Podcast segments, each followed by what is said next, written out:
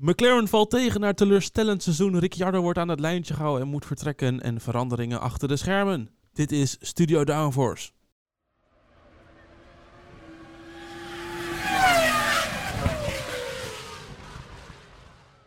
Hallo allemaal, leuk dat je luistert naar een nieuwe aflevering van Studio Downforce. De zesde aflevering van de pre-season winterstopcast. Vandaag gaan we terugblikken en vooruitblikken op McLaren. We hebben best wel veel om op terug te blikken en vooruit te blikken, heb ik al gezien. Dus laten we daar maar snel beginnen. Ik doe het samen met Elias. Zoals Zack Brown zou zeggen, hello, it's me. samen met Lies. Hey Bram. Hallo. ik heb nu alweer geen zin in deze podcast. Goed, Elias, geef je momentjes hier. Vorige aflevering ben ik hem vergeten, maar je krijgt hem nu dubbel en dwars terug. Ja, Wat moeten de you can doen? follow us on... Oh nee. Je kan ons volgen, sorry voor deze, dit slechte Amerikaanse accent. Ik, eh, Iedereen, er luistert niemand meer. We kunnen het goed Ja. door nu. goed, eh, kun je, je kan ons volgen op Spotify. Kun je ons volgen, kun je onze meldingen krijgen van de nieuwste afleveringen die wij uploaden op Spotify. Je kan ons volgen op Facebook, Twitter, LinkedIn en op Instagram op studio.downforce. Eh, doe dat, eh, dat wordt zeer gewaardeerd door ons alle drie. Punt. Doe. Punt uit, laten we beginnen.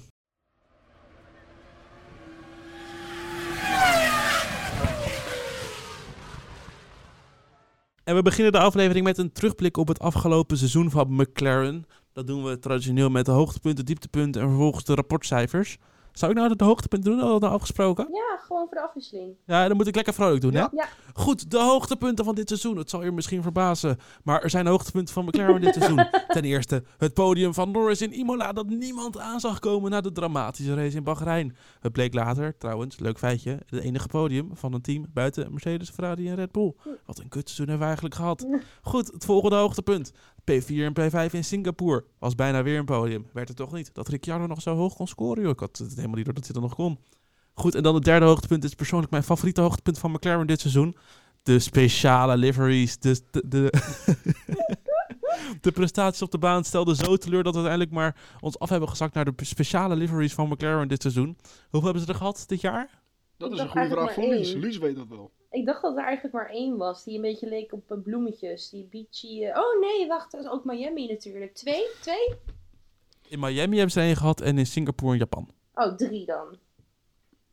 Ja, maar die Singapore en Japan was hetzelfde. Oh, dus twee. Nee, Ja, ik vind het wel jammer dat ze niet een golf livery hebben gedaan Ja, zoals die vorig is jaar mooi, in ja. Monaco. Wil ik nog steeds als, Was de eh, mooiste. als, ook in eh. Abu Dhabi ook nog. Dat wist ik. Of zo. Ja, nou goed. Je zit alweer... We hebben zoveel zin om deze aflevering op te nemen. Want McLaren heeft zoveel hoogtepunten. Ja, echt. Maar gelukkig wat ze wel hebben, dieptepunten. Toch, Elias? Helaas wel, dit seizoen McLaren. Oh, wat was het toch droevig en deprimerend. Vandaar deze stem ook. Eh, ja, het gebrek aan snelheid. Dit seizoen van McLaren was toch wel eh, pijnlijk. Zeker na de opmars de afgelopen jaren van McLaren. En toch een beetje het, eh, ja, de, het goede gevoel bij McLaren van... joh, we hebben die opmars, we, we zijn bezig met de stijgende lijn. We groeien weer richting de topteams. En dan dit seizoen, je begint in Bahrein zo slecht. Het was zo schrikbarend slecht. En het gat was zo groot. Je schrikt je gewoon kapot. Dit was McLaren onwaardig dat begin aan het seizoen. Ja, het, was stuitend.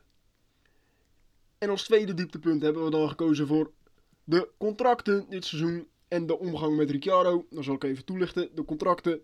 Wat is er nou aan de hand? Eh, Piastri hebben ze natuurlijk een beetje shady gedaan. Achter de schermen hebben ze weggeplukt bij Alpine. Eh Ja. Palou hebben ze toen nog een beetje shady gedaan ook. Maar dat is natuurlijk IndyCar business. We gaan natuurlijk over de Formule 1. Eh, ja, Ricciardo. Ricciardo kwam naar buiten met een statement dat hij zou blijven bij McLaren. Dat hij zei van deze geruchten die gaan over mijn eventuele vertrek bij McLaren. Dat is allemaal bullshit, niks van waar. En ondertussen had McLaren al lang Piastri getekend. Ja, pijnlijk voor Ricciardo, maar toch wel misschien nog wel ja, smeriger van McLaren. Ik vind dat ja, onnodig. Ja, Eh, dan een derde dieptepunt, wat ook weer te maken heeft met dieptepunt nummer 1, het gebrek aan snelheid. Het grote gat naar de topteams. Ja, na, na de opmars de afgelopen jaren, ze, ze klommen toch een beetje uit een dal natuurlijk. We hebben de jaren met Honda meegemaakt, McLaren, Honda. Ja, dat was 2015, 2016, 2017. het was eh, pijnlijk de afgelopen jaren voor McLaren. Maar de afgelopen jaren zijn ze dus weer een beetje uit dat dal langzaam geklommen. En toen Gekropen. kwam Ricciardo.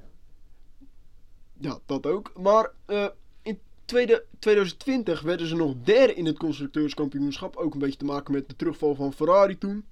Eh, P4 in 2021. Dit seizoen. P5 achter Alpine. Yep. Ja, ja, ja, ja het, is, eh, het is verdrietig. Ik denk dat het zo het beste kan samenvatten. Laten we beginnen met de rapportcijfers. Norris als eerste. Lies, ja, jij hebt, ons, jij hebt vooral Elias mogen bashen de eerste paar afleveringen over zijn cijfers. Ja. Maar ik ben toch heel bang dat wij dat nu terug gaan doen bij jou. Zeker. Wat is jouw cijfer voor Lennon Norris? Ik ben allergisch voor bullshit. Wat zei je? Die Ja, was ik goed het aan je cijfer. Een 8,4. Eh, ja, die punt 4 eh, die slaat natuurlijk weer terug op een. eh, op een Ik wil vooral weten waar de 8 punt vandaan komt. Hoeveelheid punten die Norris heeft gehaald. Dus. Die punt 4 Nou ja, had ik al wel ik, gekoppeld aan zijn s- Daar startcijfer. kan ik vrij, vrij simpel over zijn. Eh, McLaren heeft afgelopen jaar 159 punten gehaald. En daarvan heeft Lando Norris er 122 gehaald. Dan Mhm. draag vind je wel opvallend, team. Dan alle draag je coureurs- gewoon echt een heel team. Ik vind het wel opvallend, alle coureurs waar Lies eh, nou ja, fan van is. Of eh, ja, in ieder geval wa- waar ze een beetje fangirl van is. Ja, ik heb haar niet gehoord hoeveel, hoeveel procent van de punten Nico Hulkenberg voor Aston Martin Alle heeft binnengehaald. Dat Daar waren dat jullie ook positief over. Nee maar, a- al, nee, maar mag ik even uitpraten? Sorry, ga door. Dank je. Alle teams waar je een beetje fangirl van bent, of coureurs, die hebben opvallend hoge, nou niet alleen opvallend hoge cijfers, maar daar heb je ook goed je huiswerk voor gedaan. Dus daar, mag, daar, daar wil ik wel even een applausje voor geven. Van, ja, goed Elias. bezig hoor Lies, Eh, trots op je. Maar eh, ja, Ja, maar je ziet als, als zij research doet, dan komen de zo goede nog. cijfers. daar heb je ook goed je research voor gedaan, denk ik. Ik, Elias, we hadden moeten weten al vanaf ongeveer de derde aflevering dat objectiviteit bij Lies niet bestaat. Nee. En eh, toen je dit cijfer gaf, eh, Lies, eh, was je toen toevallig op de Instagram pagina van eh, Norris aan het kijken? Of, eh? Nou, Ik denk dat Norris een, ik denk dat Norris een 4,8 had als hij nog een vriendin had. nou nee jongens. Ten eerste, Lando Norris is kleiner dan dat ik ben. Dus dat wordt hem sowieso niet. Want eh, je moet minimaal 1,80 meter zijn. Dus echt meer dan, de helft, meer dan de helft van de grid die van... Nee, ja, Ricciardo die is 1,78. Toevallig weet ik dat allemaal. Oh, zo goed heb je jullie gedaan. Ja, er zijn echt maar vier coureurs of zo die boven de 1,80 uitkomen. Ehm, We anyway. door. Ja, gaan we door. Elias, je cijfers. Ja, ik heb het laatste cijfer gegeven aan Norris, een 6,5. Hij heeft het eh, degelijk gedaan dit seizoen. Een podium gehaald met een auto die dat eh, niet waardig was. Eigenlijk niet zou moeten kunnen. Beetje omstandigheden, ook een beetje geluk gehad toen in Imola. Eh, heeft het goed gedaan dit seizoen, goed gescoord. Maar toch een beetje. wa- Wat ik ook een beetje, vooral als ik naar andere podcasts luister. Ik luister dan nog wel eens van die Engelse podcasts. En daar waren ze toch wel opvallend positief over Norris. En dan denk ik van, ja, hij heeft het team geleid dit seizoen. Ja. Podiumpje sorry, gehaald. Elias, je volgt toch al meerdere jaren Formule 1. Je weet toch dat Nederlandse media zijn biased over Nederlandse coureurs. En Engelse media die likken echt de pik van Engelse coureurs. Ja, maar hij heeft veel punten gehaald dit seizoen. Ook het overgrote deel van de punten van McLaren, zoals Lies al zei. Maar die, die Engelse podcast, die noemde hem dan de, de, de, tweede, de, be- de tweede beste coureur van de Formule 1. Ja, dat vond ik toch wel een beetje ver gaan. Nee, eens! hij, heeft het gewoon goed, hij heeft het gewoon goed gedaan dit seizoen, maar... Nee man! Eh, Lando Norris is de tweede beste coureur op, op de grid op dit moment. Ja, sorry. En nu verlies je spreekrecht in deze podcast. Ik heb een 7,45 gegeven, omdat ik dacht, ik ga lekker in het midden zitten. En ik doe het gewoon tussen Li- Elias en Lies Leed precies midden. Je had geen- je had geen zin om op je donder te heeft je krijgen. spreekrecht verloren nu. Zie je, Bram is het met mij eens. Door naar Niet Ricciardo. ik ben het waar! ook niet met jou eens, maar ik ben het al helemaal niet eens met wat Lies zegt dat Norris de tweede beste coureur is op de Formule 1 grid dit jaar. Ja, Echt niet. ja. Toekomstgericht, absoluut, 1000%. Toekomstgericht. Het gaat over dit seizoen, niet over seizoen 2025. Oh. Daniel Ricciardo, over toekomstgericht gesproken. Een 4 voor Elias. Ja, ik, ben, ik heb nog het hoogste cijfer gegeven aan Ricciardo. Waar ik het laagste cijfer heb gegeven aan Norris, heb ik het hoogste cijfer gegeven aan Daniel Ricciardo, de Honey Badger. Ja, teleurstellend seizoen dit, eh, dit jaar bij McLaren. Maar ik vraag me toch ook een beetje af, hoeveel kan Ricciardo daar zelf aan doen? Want hij heeft, hij heeft natuurlijk... Kijk, hij heeft slecht gepresteerd, dat klopt. En eh, ja, dan kom je aanrijden in Austin op een fucking paard. Ja, expliciet in de podcast, maar even serieus. Je zou je toch doodschamen als je zo'n slecht seizoen hebt gehad bij McLaren.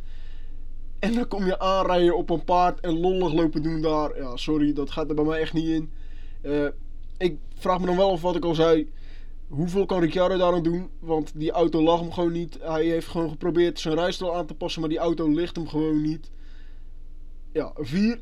Een dikke onvoldoende. Maar ik vraag me ook af hoeveel kan hij daaraan doen en hoeveel kan McLaren daaraan veranderen. Uh, dat is een hele goede vraag. Ik denk dat Ricciardo gewoon ondermaats heeft geforceerd. Ik heb hem een 3,5 gegeven. Komt vooral omdat ik dacht, ik ga gewoon weer lekker politiek in het midden zitten. Ja. Want Lies heeft het, uh, Ricciardo een 3 gegeven. Nou, voordat Lies überhaupt gaat praten, weet ik al waarom ze een 3 heeft gegeven. Het startnummer voor Ricciardo is een 3. Ja. En het is onvoldoende, dus het past er mooi. Nou, top. Dan tot slot de rapportcijfers. Wacht, kreeg ik opeens ruimte om toch wat te zeggen? Ik dacht, ik, ik Ja, mag niks meer nu zeggen. je- we, zijn nu, we zijn nu alweer door. Kut. De rapportcijfers van het McLaren als team. Nou, Lies, die mag je waarom een 5 hebt gegeven. Eh, ja, waarom ik het een 5 heb gegeven is omdat ze ten opzichte van vorig jaar toch best wel heel erg achteruit zijn gegaan. Eh, weet je, een plek 4 in het kampioenschap naar een plek bijna 5. Of tenminste net aan 5. Eh, en het puntenverschil ook gewoon, weet je. Eh, 275 punten hebben ze vorig jaar weten te halen. En dat waren er dit jaar 159. En ik had echt, ik had heel veel hoop voor McLaren. Ik had echt heel veel hoop McLaren. Maar heel veel mensen aan het begin van dit seizoen volgens mij hoor. Ik, heb, Ja. eh, ik, zie het, ik zit op het internet van die filmpjes te kijken. Dat moeten wij ook gaan doen. Is zo'n zo'n wish, zo'n wishing jar. Daar doe je van tevoren je voorspellingen in. En dan aan het eind van het seizoen eh, bekijk je die voorspellingen van dat seizoen. Nou, en ik, ik zag zo'n chick die had alleen maar dat McLaren het fucking goed zou doen. En ik denk bij mezelf, ja, dat had ik ook allemaal opgeschreven. Moeten wij ook doen. Goed plan. Is leuk. Eh Elias, je hebt ook een 5 gegeven? Ja, ik vond het eh ondermaatste seizoen van McLaren eh, eigenlijk stap terug gedaan ten opzichte van vorig seizoen en het seizoen daarvoor, zoals ik al eerder zei ook. En we moeten ook niet vergeten, als Alpine niet zo vaak was uitgevallen, als Alpine gewoon beter had gepresteerd, dan waren ze nog veel verder voor McLaren geëindigd dan dat het uiteindelijk nog is geworden. Het, is, het was uiteindelijk nog best spannend voor die vierde plek. Eh, maar McLaren had die vierde plek echt niet verdiend. Dus terecht Ja. vijfde. En toch wel zorgwekkend dat het zo'n terugval heeft gehad. Ja, ik heb het een 5,4 gegeven. Puur omdat ik denk, dan kan ik zeggen bij geslaagd seizoen of niet. Nee, niet opnieuw beginnen. Ja, ben ik het mee eens. Eens. Ja, toch? Geen geslaagd seizoen. Dit moet, eh, dit moet beter. Ja. Nou, laten we dan vooruitblikken op het volgende seizoen voor McLaren.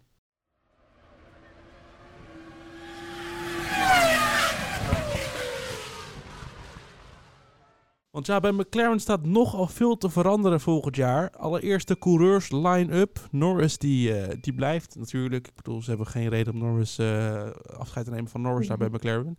Maar Oscar Piastri neemt daar plaats. Na de nodige gedoe waar we het al hebben over hebben gehad. Ehm, ja, ik denk wel goed, toch? Voor, eh, voor McLaren dat Piastri daar zit. Absoluut. Het is ook een beetje langer termijn, denk ik wel. Als hij daar een beetje kan presteren, dan heeft hij geen reden om daar weg te gaan. Nee.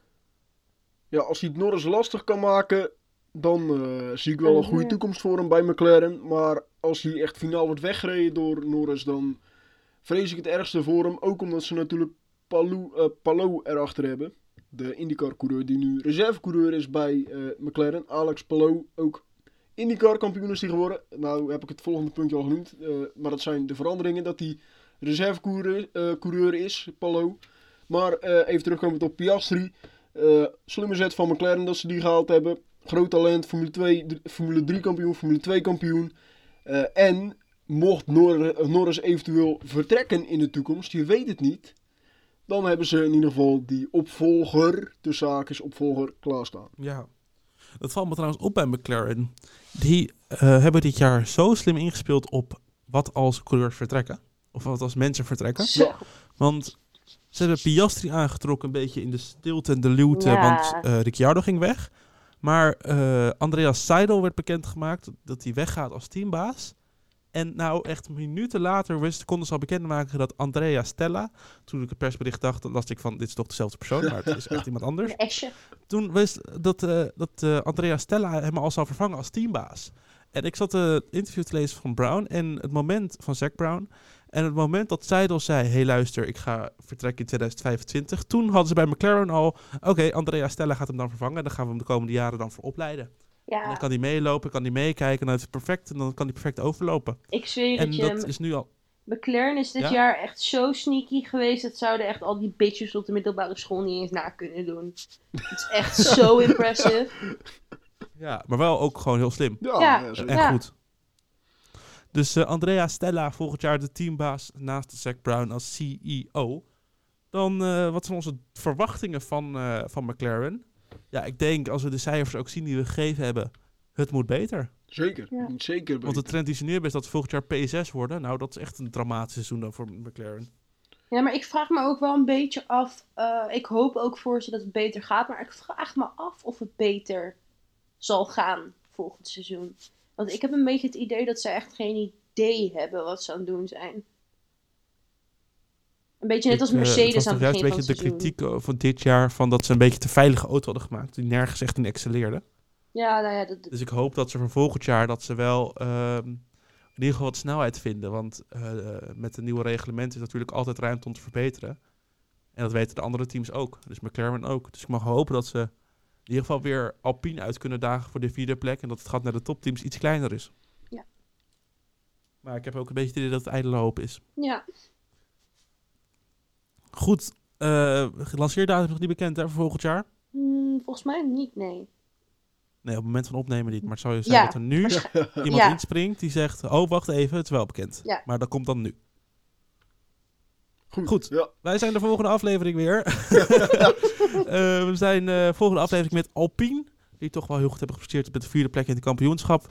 Eh, dat is de volgende keer weer. En eh, wanneer dat precies is, dat eh, gaat Elias vertellen. Wanneer je dat kan zien, wanneer dat is. Waar dat is, eh, wanneer dat is, eh, Eh, waar ze dat kunnen vinden. waar ze dat kunnen vinden, dat kan ik je wel we- vertellen. Dat eh, Ja. lijkt me toch wel eh, gesneden koek, zoals ze dat zeggen. Dat is namelijk op Spotify. Je bent er nu waarschijnlijk ook op aan het luisteren. Dus kijk, als je toch op die app zit en je bent toch aan het luisteren, kom op. Volg ons even, like de podcast, stuur hem door naar je vrienden, stuur hem door naar je mede Formule 1 fans, eh, familieleden die ook naar Formule 1 kijken of eh, het leuk vinden om een podcastje te luisteren tussendoor. Als je een wandeling aan het maken bent of eh, je gaat onderweg naar je werk of je gaat terug van je werk. Boeit niet, je kan ons altijd beluisteren. Ook eh, tijdens de Winterstopcast serie. Eh, dat wordt zeer gewaardeerd. Eh, we doen het met plezier. We hebben het gezellig met z'n drieën. Ja, dus het wordt zeer gewaardeerd al het luisteren en al het delen. Dus zeker doen.